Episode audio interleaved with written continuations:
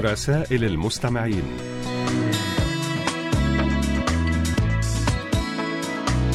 معكم هذا الأسبوع يسري صوابي.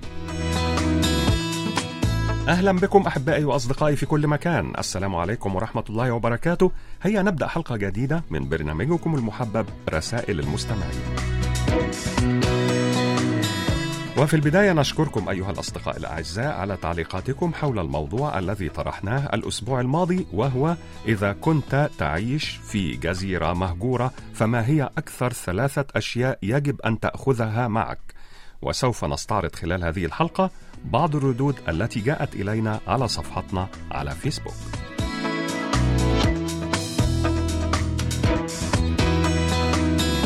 اكتبوا لنا أيها الأصدقاء على صفحة القسم العربي على فيسبوك وأيضا إذا كان لديكم مقترحات بأفكار ترغبون في مناقشتها عبر البرنامج أرجو منكم إرسالها إلى بريد القسم العربي أو إلى ركن رسائل المستمعين.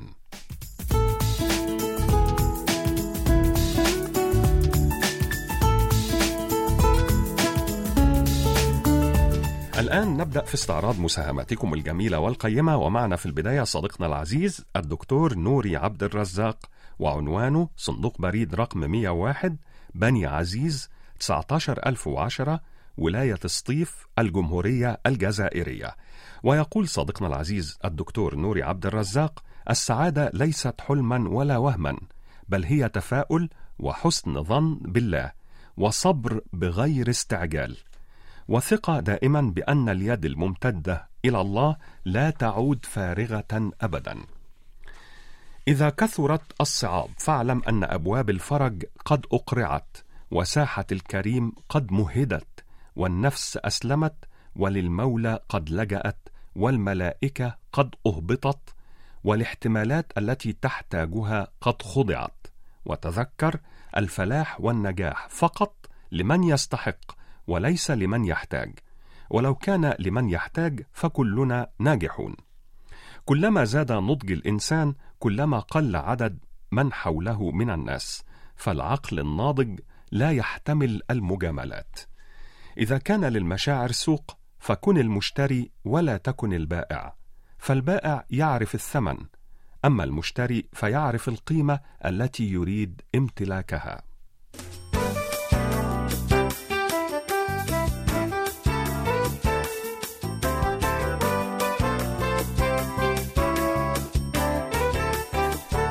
نواصل أحبائي مع الخل الوفي إدريس بودينا المواطن المغربي المقيم في مدينة بيتسبرغ في الولايات المتحدة الأمريكية ويحدثنا عن التفاح الأخضر ويقول التفاح من الفواكه المهمة في الوقاية والعلاج وبالنسبة لطعمه فهو على ثلاثة أنواع حلو ومر وحامض.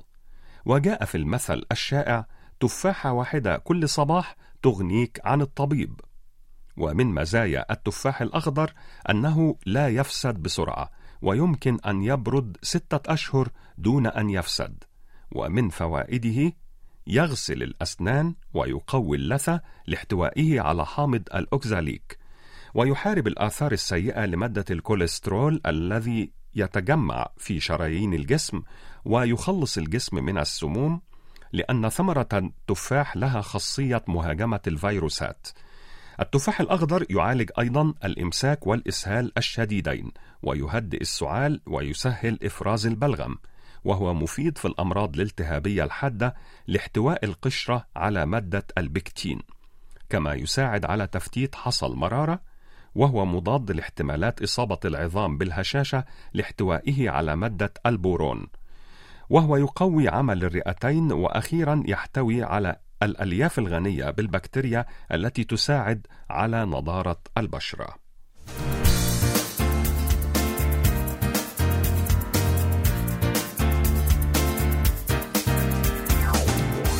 الآن معنا مساهمة من المحب على الدوام أخونا العزيز علي بن شهرة من مدينة تيارد بالجمهورية الجزائرية وكتب إلينا يقول: الحكمة العربية تقول لا تؤجل عمل اليوم إلى الغد، إنها تقتضي مني ومن كل واحد أنه يجب عليه اليوم إنجاز عمل اليوم، وفي الغد إنجاز عمل الغد، وإلا ستظل الأمور متراكمة عليه شيئا فشيئا مما سيؤدي إلى أن تنكسر هممه وعزائمه. فمن باب تطبيق الحكمة العربية لا تؤجل عمل اليوم إلى الغد أمسكت القلم بين الأصابع وحركته بها يمنة ويسرى. ولكن التركيز لم يتم على كتابة شيء مفيد. وأخيرا عثرت على شيء ينفعني وينفعكم. فأحببت أن أنقله إليكم خوفا من كتمان العلم حتى تستفيدون منه.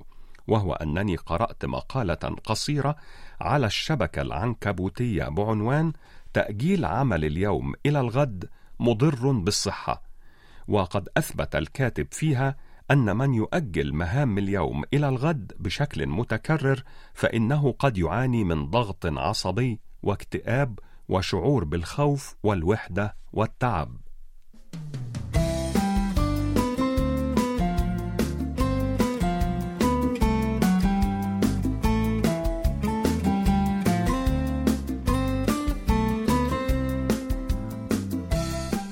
أختنا ومستمعتنا العزيزة رسل عبد الوهاب من العراق أرسلت إلينا هذه المساهمة عن الشاعر الكبير مظفر النواب وتقول: متعب مني ولا أقوى على حملي.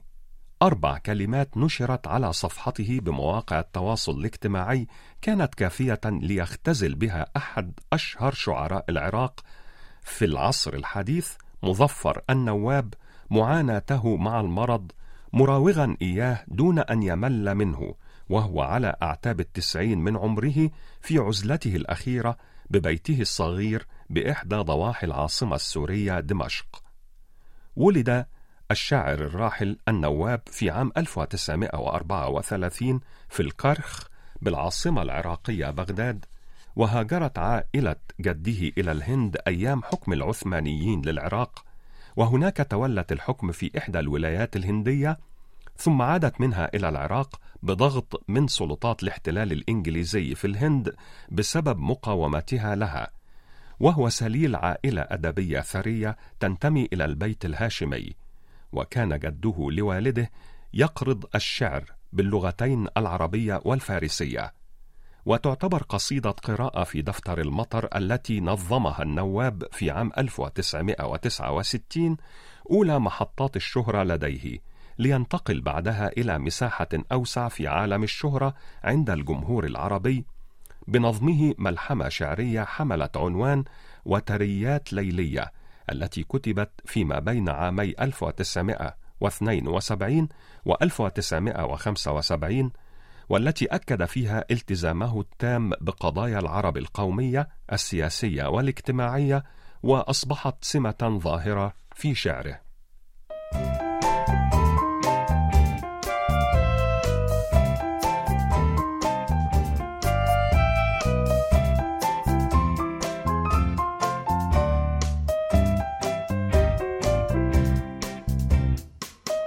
الصديق العزيز حمزاوي محمود حمزاوي هواياته القراءة والاستماع ومراسلة الإذاعات العالمية وجمع الطوابع والعملات ومراسلة الجنسين.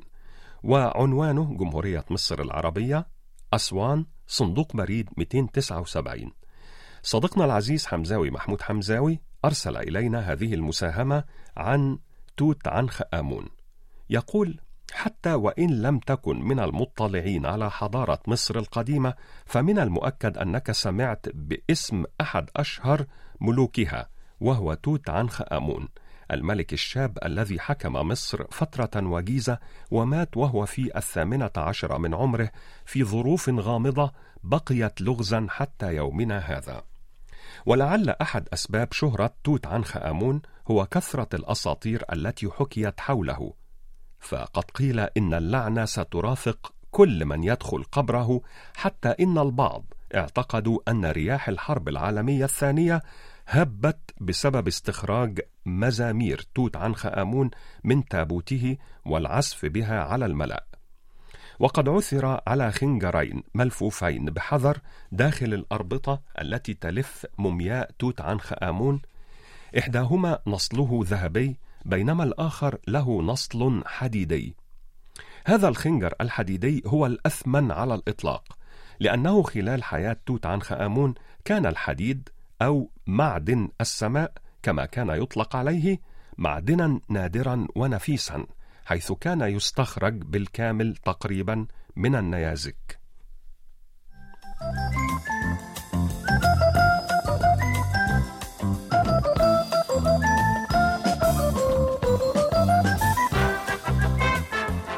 ألف شكر لك يا صديقنا العزيز حمزاوي محمود حمزاوي على هذه المساهمة وعلى كل مساهماتك الجميلة ونهديك ولكل الأصدقاء الأعزاء هذه الأغنية الكورية اللطيفة بعنوان دراما للفنانة آيو.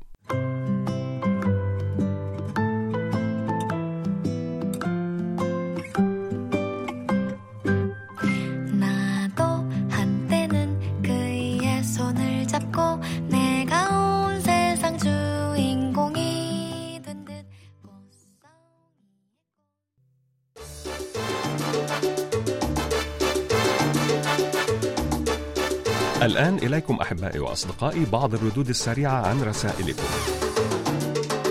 أحبائي وأصدقائي أدعوكم جميعا لإرسال تسجيلاتكم الصوتية التي تحتوي على مساهمات أو كلمات كتبتموها بأنفسكم أو مقترحات أو أفكار تريدون توصيلها عبر البرنامج.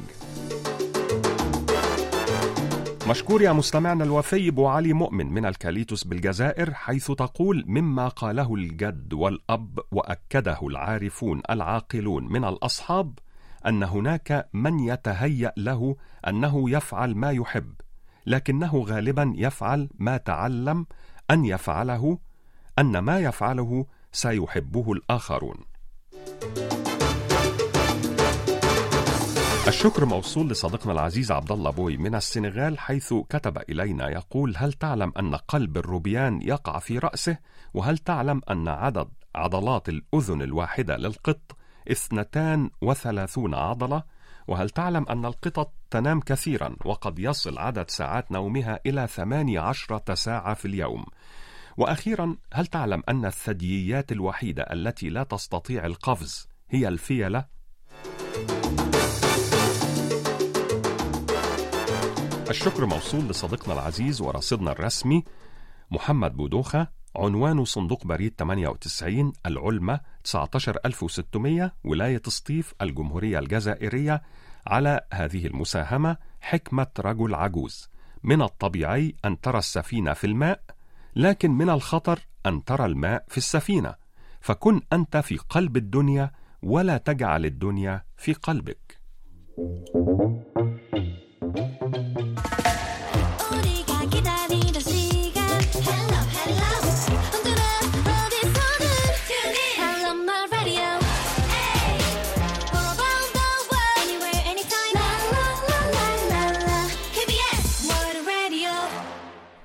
نواصل مستمعينا الأعزاء مع المستمع المخلص جدا ورفيق الدرب المتواصل عبد الرزاق قاسمي عنوان صندوق بريد 32 بني ثور ولاية ورقلة 30009 الجزائر.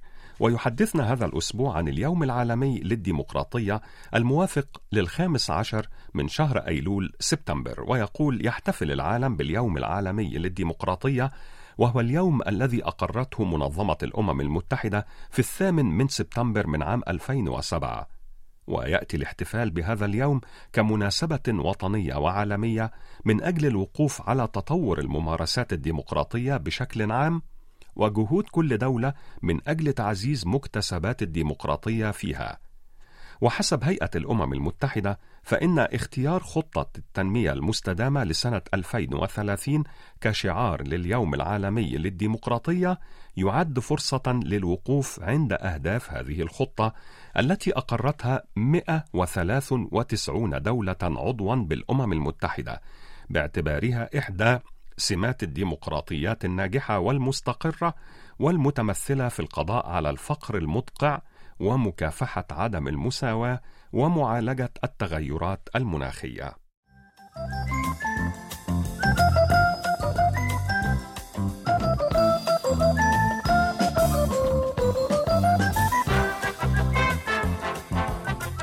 معنا الآن طائفة من الأقوال. المأثورة أرسلها إلينا مستمعنا العزيز عمر حربيط العوني عنوان صندوق بريد 108 المونستير 5060 الجمهورية التونسية ويقول إذا كنت تؤجل كل شيء إلى أن تصبح متأكدا منه فلن تنجز شيئا. صحة الجسم في قلة الطعام وصحة القلب في قلة الذنوب والآثام وصحة النفس في قلة الكلام. ثمرة القناعة الراحة وثمرة التواضع المحبة. يصدأ الحديد إذا لم يستخدم. ويركد الماء إذا لم يتحرك وهذا هو ما يحدث للعقل إذا لم يفكر. وسئل أحدهم عن سبب بشاشته واستبشاره الدائم فأجاب قائلا أستحيي من الله تعالى أن أحزن وأمري بيده. وقيل أيضا الكلام اللين يغلب الحق البين. وكلنا كالقمر له جانب مظلم. لا تتحدى إنسانا ليس لديه ما يخسره. العين التي لا تبكي لا تبصر في الواقع شيئا. وأخيرا المهزوم إذا ابتسم أفقد المنتصر لذة الفوز.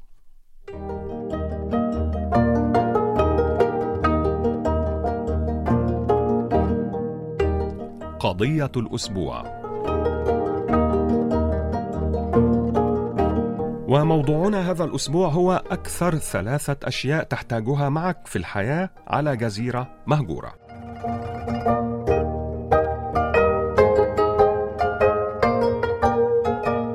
الصديق عبد الملك الرماغة يقول: كم كبير من الكتب وورق وأقلام. الصديق حمزاوي محمود حمزاوي يقول: بما أنها مهجورة فطبيعي مجموعة من الكتب وخصوصا التي لم أقرأها ثم عدة صيد. يسرى سلمي تقول كتب وأكيد ضمنهم القرآن الكريم وعدة رسم وعدة حياكة وتطريز. محمد حسن يقول راديو ولوح طاقة شمسية والقرآن الكريم ومضادات حيوية. الصديق عمر حربيط العوني يقول صديق أو صديقة وبعض الكتب وراديو وأدوات صيد. سماهر ماهر تقول كتب وصنارة صيد وولاعة. سولاكيم تقول بعض الكتب من ضمنها القرآن وبعض الثياب وأدوات صيد. الصديق عبد السلام بوبازة يقول أغطية سلاح كتاب بوصلة. الصديق فريد رامي يقول صنارة صيد وامرأة جميلة وراديو. أخيرا ماري كريس موريس تقول هاتف زائد واي فاي زائد كتب.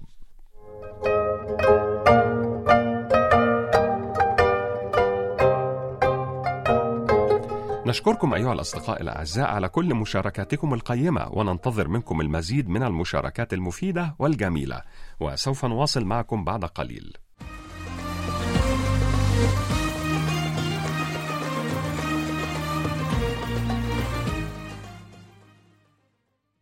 إذا نواصل أحبائي مع هذه المساهمة السريعة التي تتضمن نصائح مهمة من الصديقة العزيزة إلهام غالم من مدينة تلمسان بالجمهورية الجزائرية وتقول: يعيبون عليك صمتك ويلومونك على قلة كلامك ولكن الأواني الفارغة أكثر ضجيجا من الممتلئة. يتكلمون عنك ويكثر حولك القيل والقال دعهم في غيهم يعمهون. يتمنون زوال نعمة من نعم الله عنك الحسد بدأ بصاحبه فقتله. يستصغرونك ويحتقرونك ويقللون من شأنك. فاعلم أن ذبابة قتلت النمرود ونملة أوقفت النبي سليمان عليه السلام.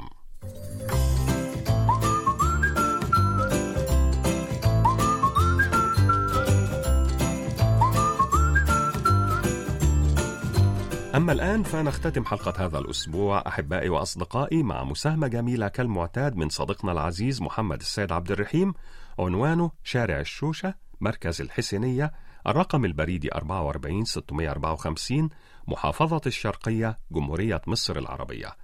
وتحت عنوان الجمال في الأشياء كتب يقول سئل أحد الحكماء عن الجمال في الأشياء التي يحبها فأجاب قائلا أحب من الطيور النسر لأنه يحاول أن ينقر النجوم. وأحب من الإحسان الصدقة لأنها كالأمطار تأتي في أوانها. وأحب من الطبيعة الجبال لأنها ترفع الأبصار والأفكار. وأحب من البحر سكونه في النهار وهياجه في الليل. وأحب من الفصول في الصيف صباحه وفي الربيع ضحاه. وفي الشتاء مساءه وفي الخريف ليله.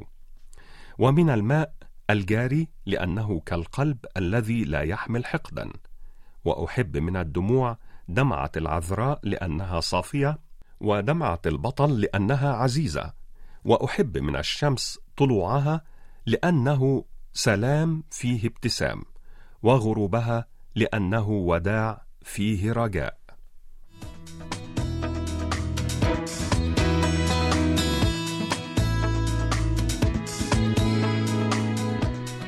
هكذا أيها الأحباء وصلنا وإياكم إلى ختام حلقة هذا الأسبوع من برنامجكم المحبب رسائل المستمعين. نعدكم أيها الأصدقاء الأعزاء بأن نلتقي بكم في مثل هذا الموعد من الأسبوع القادم إن شاء الله.